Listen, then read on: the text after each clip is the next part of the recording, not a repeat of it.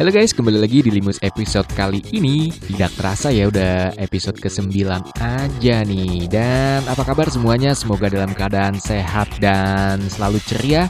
Dan seperti biasa di Limus akan ada liputan-liputan informasi musik Baik dari band atau solois, dari dalam dan luar negeri tentunya. Oh ya, kali ini Limus akan menambahkan tips sebagai tambahan informasi dan di Limus kali ini ada informasi dari Rai dan Rian yang tiba-tiba meninggalkan Jumpa Pers. Kemudian dari The Sigit yang akan menyiapkan album baru yang lebih manis. Kemudian informasi dari luar negeri, kesan dari personil Westlife yang baru saja mengadakan konser di Ice BSD City dan dari K-pop Super K-pop Festival Indonesia 2019 digelar bulan depan. Selamat mendengarkan.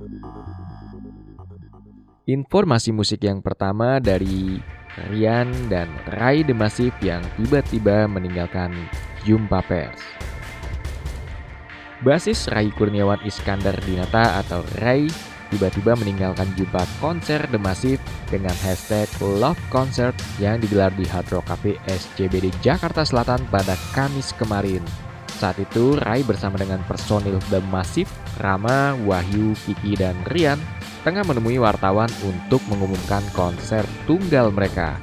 Awalnya Rian dan Rama menjawab pertanyaan wartawan terkait konflik dirinya dan Rai yang terjadi saat manggung di Lombok, NTB beberapa waktu yang lalu. Sementara itu, Rama menjelaskan perbedaan pendapat merupakan hal biasa dalam sebuah band dan ketika ditanya lebih lanjut tentang bagaimana duduk permasalahannya, Rama memilih untuk diam. Tidak lama, tim manajemen The Massive meminta menyudahi sesi wawancara, namun saat itu wartawan masih memberikan pertanyaan pada The Massive. Tanpa disangka, Rai tiba-tiba pergi dari hadapan wartawan dan meninggalkan Rama, Wahyu, Kiki, dan Rian di depan kamera. Sementara Rian memastikan bahwa dalam konser peringatan 16 tahun The Massive berkarya, semua personil dipastikan akan hadir. Dan kita lanjut dari The Sigit yang kabarnya itu menyiapkan album baru yang lebih manis. Band rock asal Bandung The Sigit saat ini tengah mempersiapkan materi-materi baru untuk album barunya. Setelah album terakhirnya yaitu The Turn dirilis pada tahun 2013 lalu, The Sigit siap menyuguhkan karya-karya baru untuk para Insurgent Army fans The Sigit. Pari, sang gitaris The Sigit, menuturkan bahwa akan ada perbedaan yang cukup signifikan dari album barunya nanti dengan karya-karya The Sigit. Sebelumnya, menurut Sigit, lagu-lagu The Sigit nantinya akan lebih manis dari biasanya. Asal jangan terlalu manis nih om.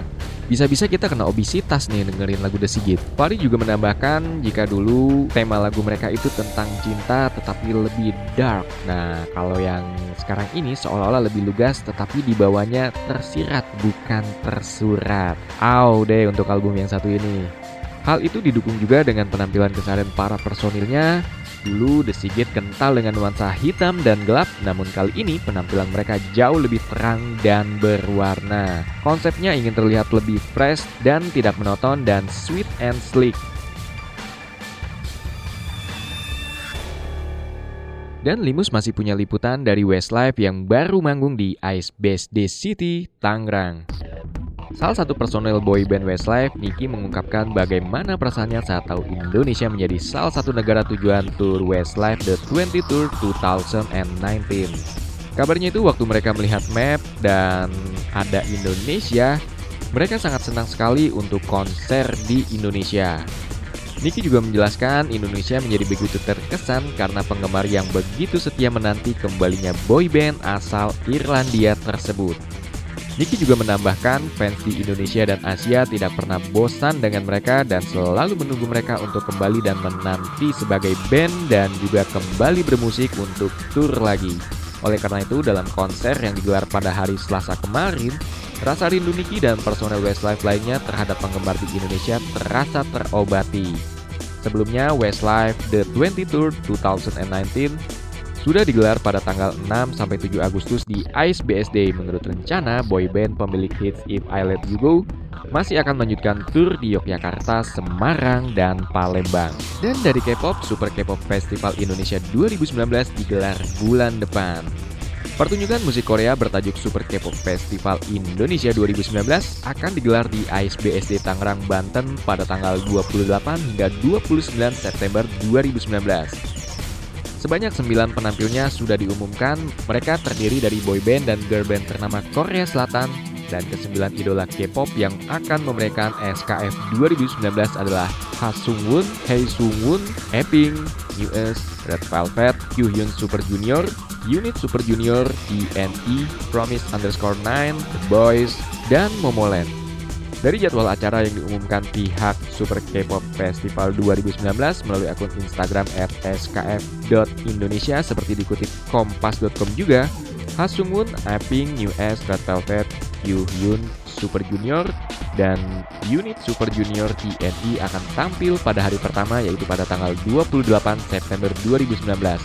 Selain itu, ada satu bintang tamu istimewa yang juga bakal memeriahkan panggung SKF 2019, namun masih dirahasiakan namanya. Sementara pada hari kedua, 29 September 2019, giliran Promise underscore 9, The Boys, dan Momoland yang tampil. Namun tidak hanya mereka, Red Velvet, Yuhyun Super Junior, serta unit Super Junior di NI juga akan beraksi lagi di panggung SKF 2019 hari kedua. Super K-pop Festival Indonesia 2019 akan dimulai pukul 18.30 hingga 21.30 waktu Indonesia Barat. Dan sebagai penutup di liputan informasi musik episode kali ini, Limus akan memberikan tips bagaimana caranya menggunakan earphone agar tidak menyakiti telinga. Tidak sedikit orang yang mengandalkan earphone untuk mendengarkan musik, bermain game, dikala senggang atau sekedar menelpon ketika kedua tangannya sedang sibuk. Namun nih guys, nyatanya tidak sedikit pula orang yang menggunakannya sembarangan sehingga akhirnya malah menyakiti telinga. Nah, seperti apa sih cara pakai earphone yang benar dan aman untuk telinga? Jadi, mendengarkan musik kencang-kencang bagi sebagian orang dapat membantu mereka lebih konsentrasi saat bekerja. Akan tetapi, harus hati-hati juga nih guys. Cara penggunaan earphone yang keliru dapat berdampak buruk pada pendengaran kita juga nih. Berdasarkan sebuah penelitian yang dilakukan di Amerika Serikat, sebanyak 51% remaja SMA mengalami penurunan pendengaran akibat paparan suara musik yang terlalu kencang. Penelitian lain yang dilakukan oleh WHO juga menemukan hal yang sama, sebanyak 43 juta penduduk dari usia 12 sampai 35 tahun mengalami penurunan pendengaran dan dari sekian banyak penyebab setidaknya 50% kasus tersebut akibat penggunaan earphone dengan volume suara terlalu kencang.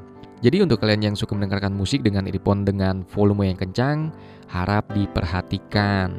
Karena risiko penurunan pendengaran akibat mendengarkan musik lewat earphone juga akan semakin meningkat terutama bila kita terbiasa menggunakannya di tempat bising dan volume lagu yang diputar tanpa disadari akan sangat kencang untuk menutupi kebisingan tersebut. Tidak hanya itu nih guys, ternyata risiko penurunan pendengaran juga akan meningkat ketika kita mendengarkan menggunakan earphone saat sedang melakukan aktivitas berat, misalnya berolahraga sambil mendengarkan musik dibandingkan saat sedang beristirahat. Kebiasaan cara pakai earphone yang salah juga dapat menimbulkan rasa tidak nyaman pada telinga seperti rasa nyeri serta telinga terasa penuh dan berdenging. Itu tips di Limus di episode kali ini. Semoga bermanfaat dan menambah wawasan kalian juga nih guys.